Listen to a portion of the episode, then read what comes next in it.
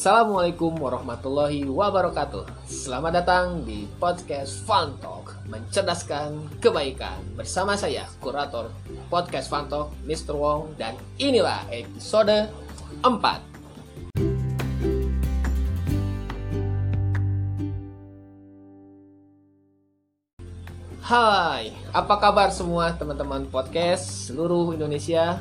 Semua pendengar podcast yang ada di seluruh Indonesia Ataupun mancanegara Ini udah nyampe mungkin ya sampai ke Eropa. Amin. Ah, Alhamdulillah Sudah ternyata podcast ini sudah nyampe di episode 4 Nah, sebelumnya seketika tadi lebaran teman lebaran sudah menyampaikan eh, podcast episode 3 dan sekarang kita sudah masuk ke episode 4 dan sekarang saya tidak sendiri. Alhamdulillah saya sudah ditemani oleh dua orang. Mungkin satu orang sudah cukup familiar karena sudah pernah masuk di episode 2 ya kalau nggak salah Hmm. episode 2 bersama Kak Bella dan Hai. Silakan, saya ke video dulu. Dan di sebelahnya ada Kang Ikhlas. Buka dulu maskernya, Kang. Oh iya, ada mic-nya bagaimana? Oke lah. Ada mic. Oke, Kang Ikhlas, Kang Ikhlas pun akan mengisi di sini. Oke, sebagai gambaran sedikit ya. Eh, kalau Kabela, Kabela udah jelas lah. Eh, Kabela tuh mm, sebagai fundraiser Wati yang sudah cukup berpetualang termasuk dan Kang Ikhlas, Kang Ikhlas juga sama. Beliau pun punya pengalaman banyak di dunia fundraising di beberapa lembaga ya. Sudah berapa lembaga, Kang? Eh, dua Dua lembaga ya, kalau dua lembaga. Beraktivitas sebagai fundraiser juga di sana ya. Nah, jadi hari ini kita berbicara berbincang santai dengan dua fundraiser yang ada di yang ada di sini tentunya ya. Ah, Oke, kalau kemarin tentang bulan puasa, oh itu adalah hari sibuk-sibuknya bulan hari sibuk-sibuknya seorang fundraiser. Bahkan ya kerjanya itu bisa sampai 24 jam, Yes, betul nggak? that's true. Ini Tabela yang merasakannya. Kang Kang Ikhlas juga eh, merasakannya seperti apa sih ya eh, pengalamannya waktu ber bergerilya di itu sampai bahkan sampai Idul Fitri ya nggak salah ya. Aku sampai eh, sebelum 5 menit kalau nggak salah sebelum salat Idul Adha tuh- eh salat Idul Adha Idul Fitri masih yang standby on laptop gitu. saya masih laptop wah itu. Kalau Kang Ikhlas? Pernah itu sampai subuh jam 2 jam 2 pas hari Idul Fitri? sebelum corona itu waktu lumayan. Lumayan lah ya. Lumayan. Nah, oke, itu eh, banyak pengalaman sebenarnya yang yang menarik tentang menjadi seorang fundraiser di bulan puasa. Nah, tapi untuk episode keempat ini kita akan beralih karena sudah umum untuk seorang fundraiser di lembaga keagamaan itu ada dua eh, hari raya, itu apa, dua dua momen, dua momen yang dijadikan sebagai area untuk bergerilya. Yang pertama Idul Fitri, bulan puasa, dan kedua adalah Idul Adha. Ada apa dengan Idul Adha? Ya, inilah Idul Adha identik dengan hari kurban. Dan emang ngapain sih orang-orang fundraiser kurban kan kebanyakan mereka ya nawarin donasi, sedekah dan lain-lain gitu ya. Yang sifatnya emang program. Nah, kalau kurban gimana? Apakah mereka berjualan hewan gitu? Jual domba, berkeliling-keliling nawarin ke donatur? Nah, kita akan sharing bersama-sama dengan Kak Bella dan juga Kang Ikhlas tentang pengalamannya karena beliau pun sudah dua tahun lebih ya dua Ya. tahun lebih bermain di dunia fundraising khususnya di kurban. Saya ingin kita dengarkan dulu cerita cerita atau pengalaman dari Kabela ketika eh, menawarkan kurban atau pengalaman kurban tahun lalu seperti apa sih biasanya?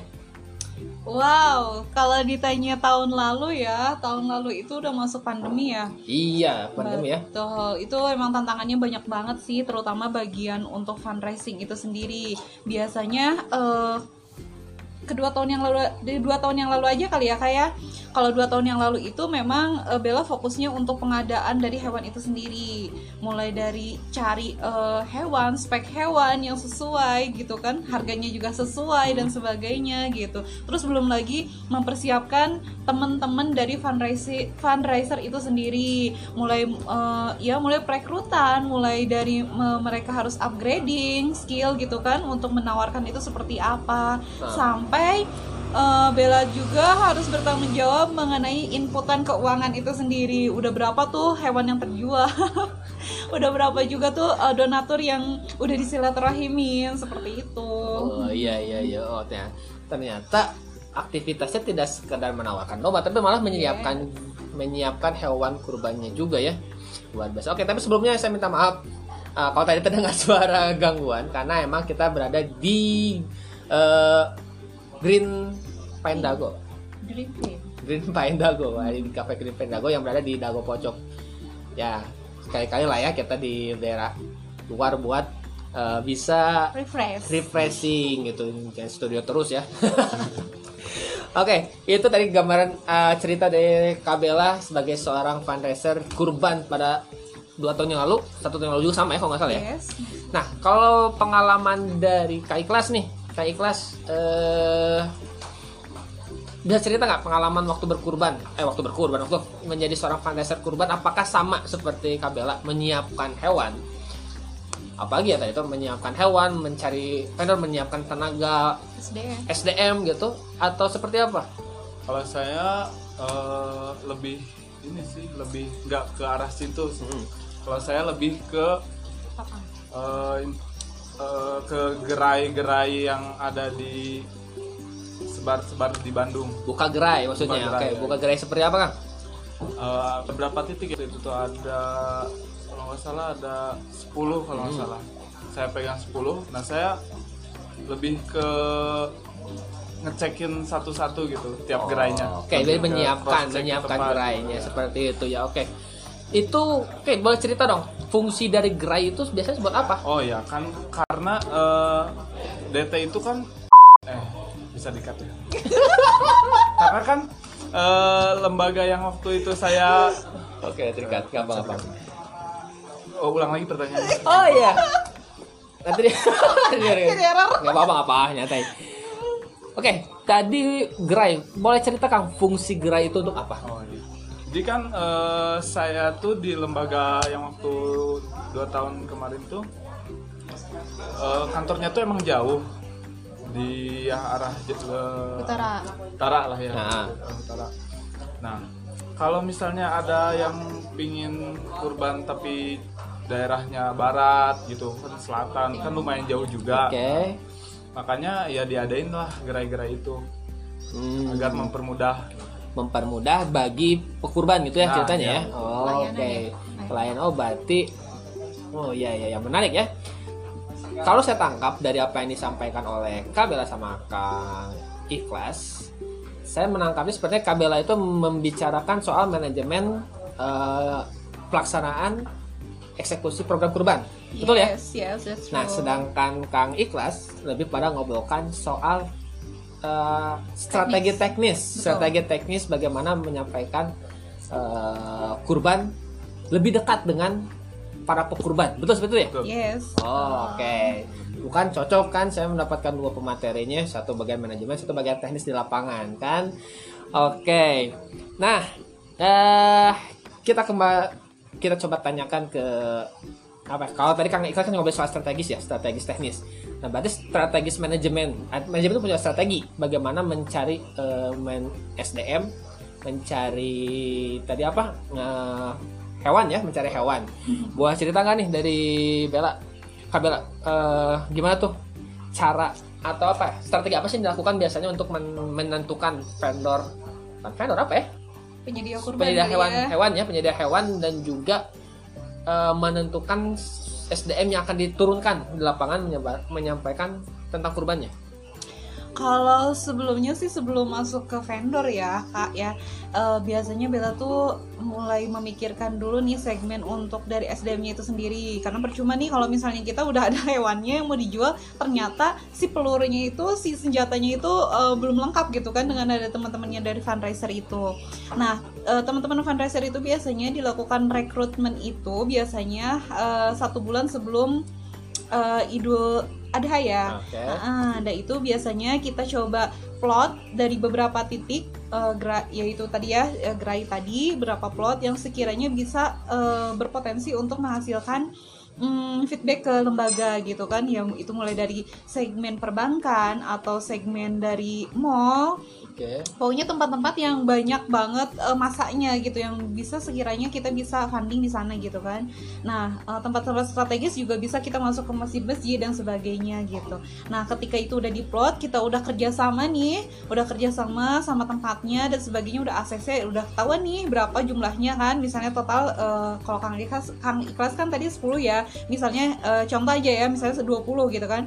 20 tempat Nah, artinya dari 20 tempat ini kita mikir nih SDM yang bakal nunggu itu ada berapa gitu karena kan jam operasional antara bank sama eh, mall atau sama apa ya sama masjid itu beda kan ada yang shiftnya satu kali eh, satu shift ya artinya dia masuk jam 8 pulang jam 4 dia udah bisa ya itu diperbankan tapi kalau misalnya dia ditempatkan di mall atau misalnya di masjid itu kan biasanya dua shift jadi mulai dari eh, jam 10 tank biasanya 10 pagi sampai jam 4 jam 4 lah ah ya jam 4 ya, Ya. jam 4 Oke. lanjut lagi sampai jam 10 malam Oh, gitu Oke. jadi makanya eh, untuk menentukan SDM yang kita siapkan itu harus ditentukan dulu tempatnya strategis apa enggak bisa apa enggak dan itu butuh banget analisa yang kuat Oh, butuh analisa ya. Oh, ternyata ya mendalam juga ya untuk bikin suatu gerai. Nah, tadi kita ngobrolin nih soal behind of gerai. Sekarang kita coba tanya kembali ke Kang Iklas nih. Kang Iklas, sebenarnya apa sih yang disediakan gerai eh untuk menyampaikan apa? Gimana ya maksudnya? Apa aja sih yang disediakan gerai agar si pekurban itu tertarik untuk berkurban di lembaga misalnya? Oh biasanya eh, di tiap gerai itu ada kayak banner eh, dan apa brosur. Nah, Iya. terus ada kayak untuk promosi turun ke lapangan gitu. Jadi nggak stay di gerai aja, yang jaganya tuh keluar. Jemput bola lah jemput ya. bola. Jemput bola. Oke, ikut dulu. Dijelasin lah sedetail mungkin agar menarik. Oh gitu. Boleh tahu nih. ah, pasti teman-teman juga pernah ya lihat di kalau pernah jalan-jalan ke mall mungkin ya. Kalau jalan ke mall biasanya suka ada tuh gerai-gerai ya. Ah, gerai apa? ya? Gerai yang biasanya namanya sedekah ataupun kurban yang tadi disampaikan oleh Kang Ikhlas. Nah, mumpung ada Kang Ikhlasnya nih, kita nanyain nih, Kang Ikhlas. Job desk dari yang jaga gerai itu apa sih biasanya?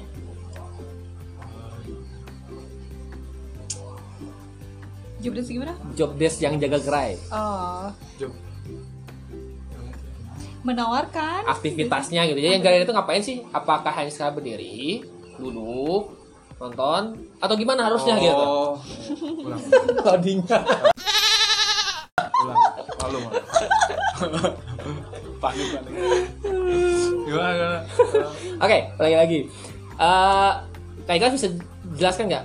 Sebenarnya job desk atau aktivitas seorang penjaga gerai itu seperti apa sih seharusnya ya? Seharusnya. Jadi eh, sebenarnya gini kan eh, ada aplikasi yang buat jaga gerai itu untuk absen masalah kehadiran. Biasanya kalau setiap sampai di lokasi, nah itu absen datang berarti ya absen datang. Nah, ada juga nanti absen pulang. Nah absen datang ini misalnya dimasukkan kan pada biasanya yang si pagi itu pagi jam 10-an lah. Habis itu eh, kalau telat, nah kalau telat itu kena denda inilah, denda berapa ya? Itulah pokoknya denda lah. Ya paling jobdesk itu ya lebih penawaran penawaran. Nah, penawaran kayak gimana Kang? Penawarannya ya dengan brosur, Hmm. Ada juga dengan waktu itu tuh dengan ini di online bisa. Jadi tergantung inisiatif penjaganya sih. Oke. Ad- ka- saya pernah nemuin yang jaga di waktu itu di di bank di satu bank oke, satu bang. dia eh, inisiatif kang dia inisiatif eh, untuk ininya di sosmed Hmm. Nah, alhamdulillah Kang dia. Ya mungkin sos- sosmednya juga eh, lumayan lah gitu Ya, ya. ya. capai target gitu Nah, ya. eh, lumayan. Jadi dia tidak hanya memanfaatkan di Di- di lingkungan sekitar aja gitu. offline gitu ya Oke, jadi pertanyaan juga nih.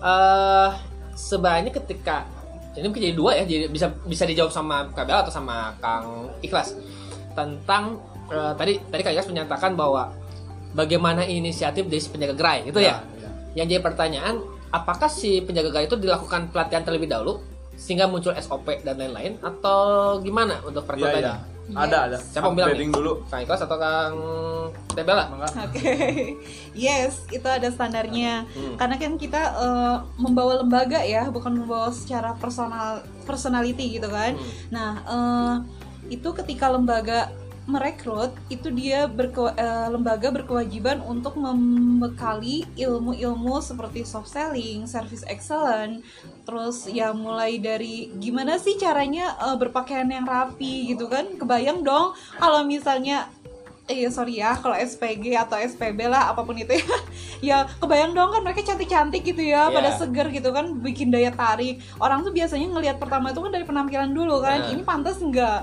jangan sampai kita udah eh, ya mohon maaf ya bawa mm, bawa agama tapi kok Nah. ini kok lusuh ya kelihatannya kayak Hmm. gitu nah makanya standar-standar itu dari mulai komunikasi terutama komunikasi ya itu kita latih di upgrade eh di upgrading sorry upgrading, Upgrading. skill betul Hmm, Kayak gitu. Oh iya penampilan ya. Yes. Saya kepikiran tadi. SPG jadi jaga gerai. Tapi ya iya ya namanya strategi ya lebih pada strategi tapi oke. Ah, oke. Nah, teman-teman. Kayak cukup menarik ya untuk obrolan kita tentang eh, tentang fundraising di di masa atau di momen Idul Adha. Nah, buat teman-teman yang punya pertanyaan mengenai eh, fundraising di dunia Idul Adha, boleh silahkan kirimkan DM-nya melalui DM Instagramnya akun @pongfehung atau teman-teman punya pengalaman yang menarik nih tentang pernah pengalaman menjadi seorang fundraiser di dunia jadi fundraiser di, di, di momen Idul Adha belepotannya di Idul Adha boleh nih share mungkin bisa jadi sebuah inspirasi buat siap pendengar podcast uh, ini melalui email tenangan tanpa bayangan at gmail.com oke Eh, seperti itu teman-teman oke Eh, apalagi yang kita obrolkan ya Apa nih? Nah, oke momen yang selanjutnya nih. Ini ini yang menarik kan tadi saya bilang kan tentang tentang apa ya tentang pengalaman menarik. Saya pengen pengen tahu juga nih ceritanya pasti walaupun Kabela ataupun uh, Kang Ikhlas belakangnya be- apa behind of skin lah ya. Gitu kan nggak langsung turun di lapangan gitu. Tapi pu- punya nggak pengalaman menarik gitu pengalaman yang berkesan di dalam hati ketika ketika mengurus ya mengurus momen kurban gitu. Apakah uh, Kabela ataupun Kang Ikhlas gitu. Punya pengalaman seperti itu nggak? Punya banget.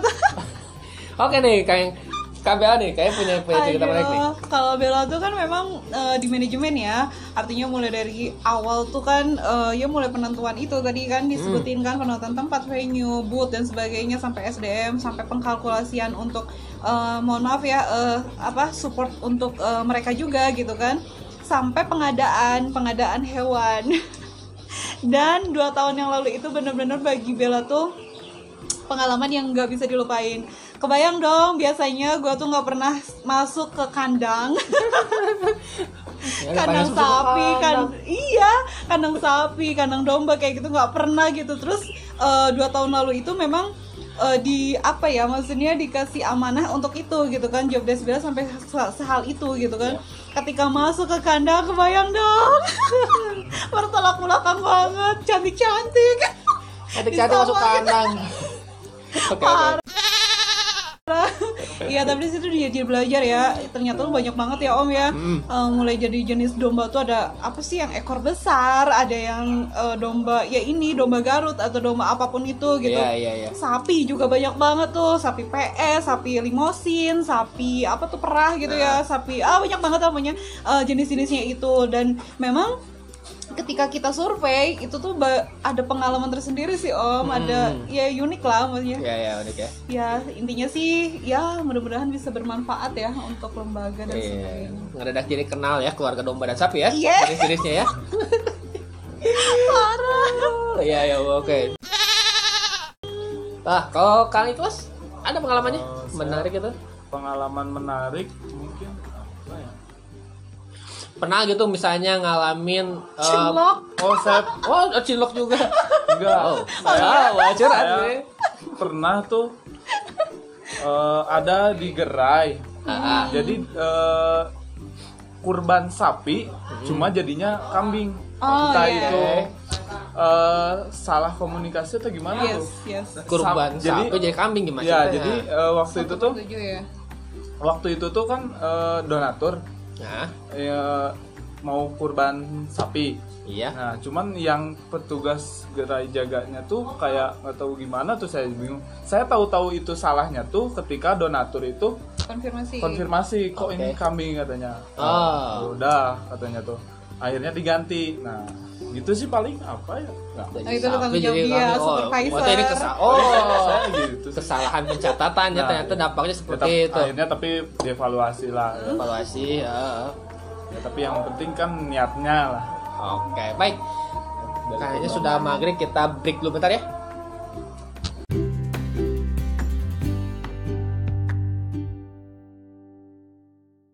Ya, sedikit sebenarnya sih baru udah diceritain tapi boleh dong sedikit tipsnya gimana sih cara menghadapi komplain kas, Donatur. eh, donatur kayak Ya. kalau kejadian kayak tadi gitu Kita hadapi lah, hadapi dengan senyuman ya, ya itu ya poinnya yang penting senyuman kalau langsung nih. yes Oke. Kalau misalnya via Phone? telepon atau apa ya jangan ini dulu lah jangan Terpancing ya emosi. kadang kan ada yang emosi lah segala Ah, macam nah kita ajak baik-baik aja Oh, ajak baik itu tuh. Ternyata emosi harus harus, harus jaga emosi ya.